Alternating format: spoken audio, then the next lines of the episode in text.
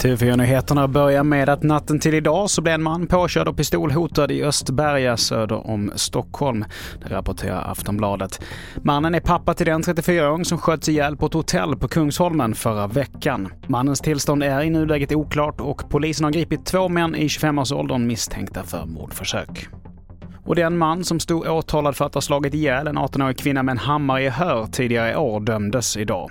27-åringen som erkände direkt för polisen döms till 16 års fängelse för mord. Och mer om detta kan du hitta på tv4.se.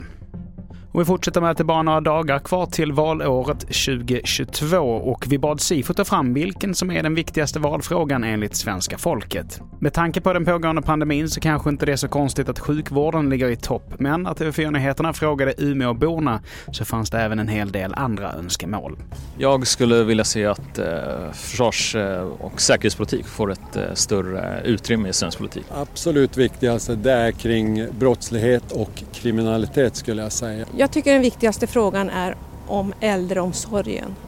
Så där lät det alltså runt torget i Umeå. Varmt och skönt på nyårsafton. Det kan tyvärr bli en verklighet och Spanienvärmen är på väg mot Sverige, vilket kan innebära uppemot 9 plusgrader i de södra delarna av landet. Detta kan också ge en hel del halka då det fortfarande är rejält kallt i backen och redan nästa vecka ser det ut att vända igen och bli kallare.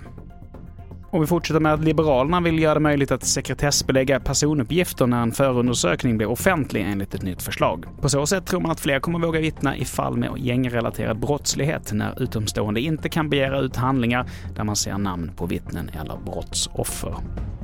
Och till sist, inte sedan 1991 så har det sålt så mycket vinylskivor i Storbritannien som det gjorts i år. Det här rapporterar BBC. Över 5 miljoner sålda skivor totalt och bäst sålde Abbas nya skiva Voyage. Fler nyheter hittar du på tv4.se. Jag heter Mattias Nordgren.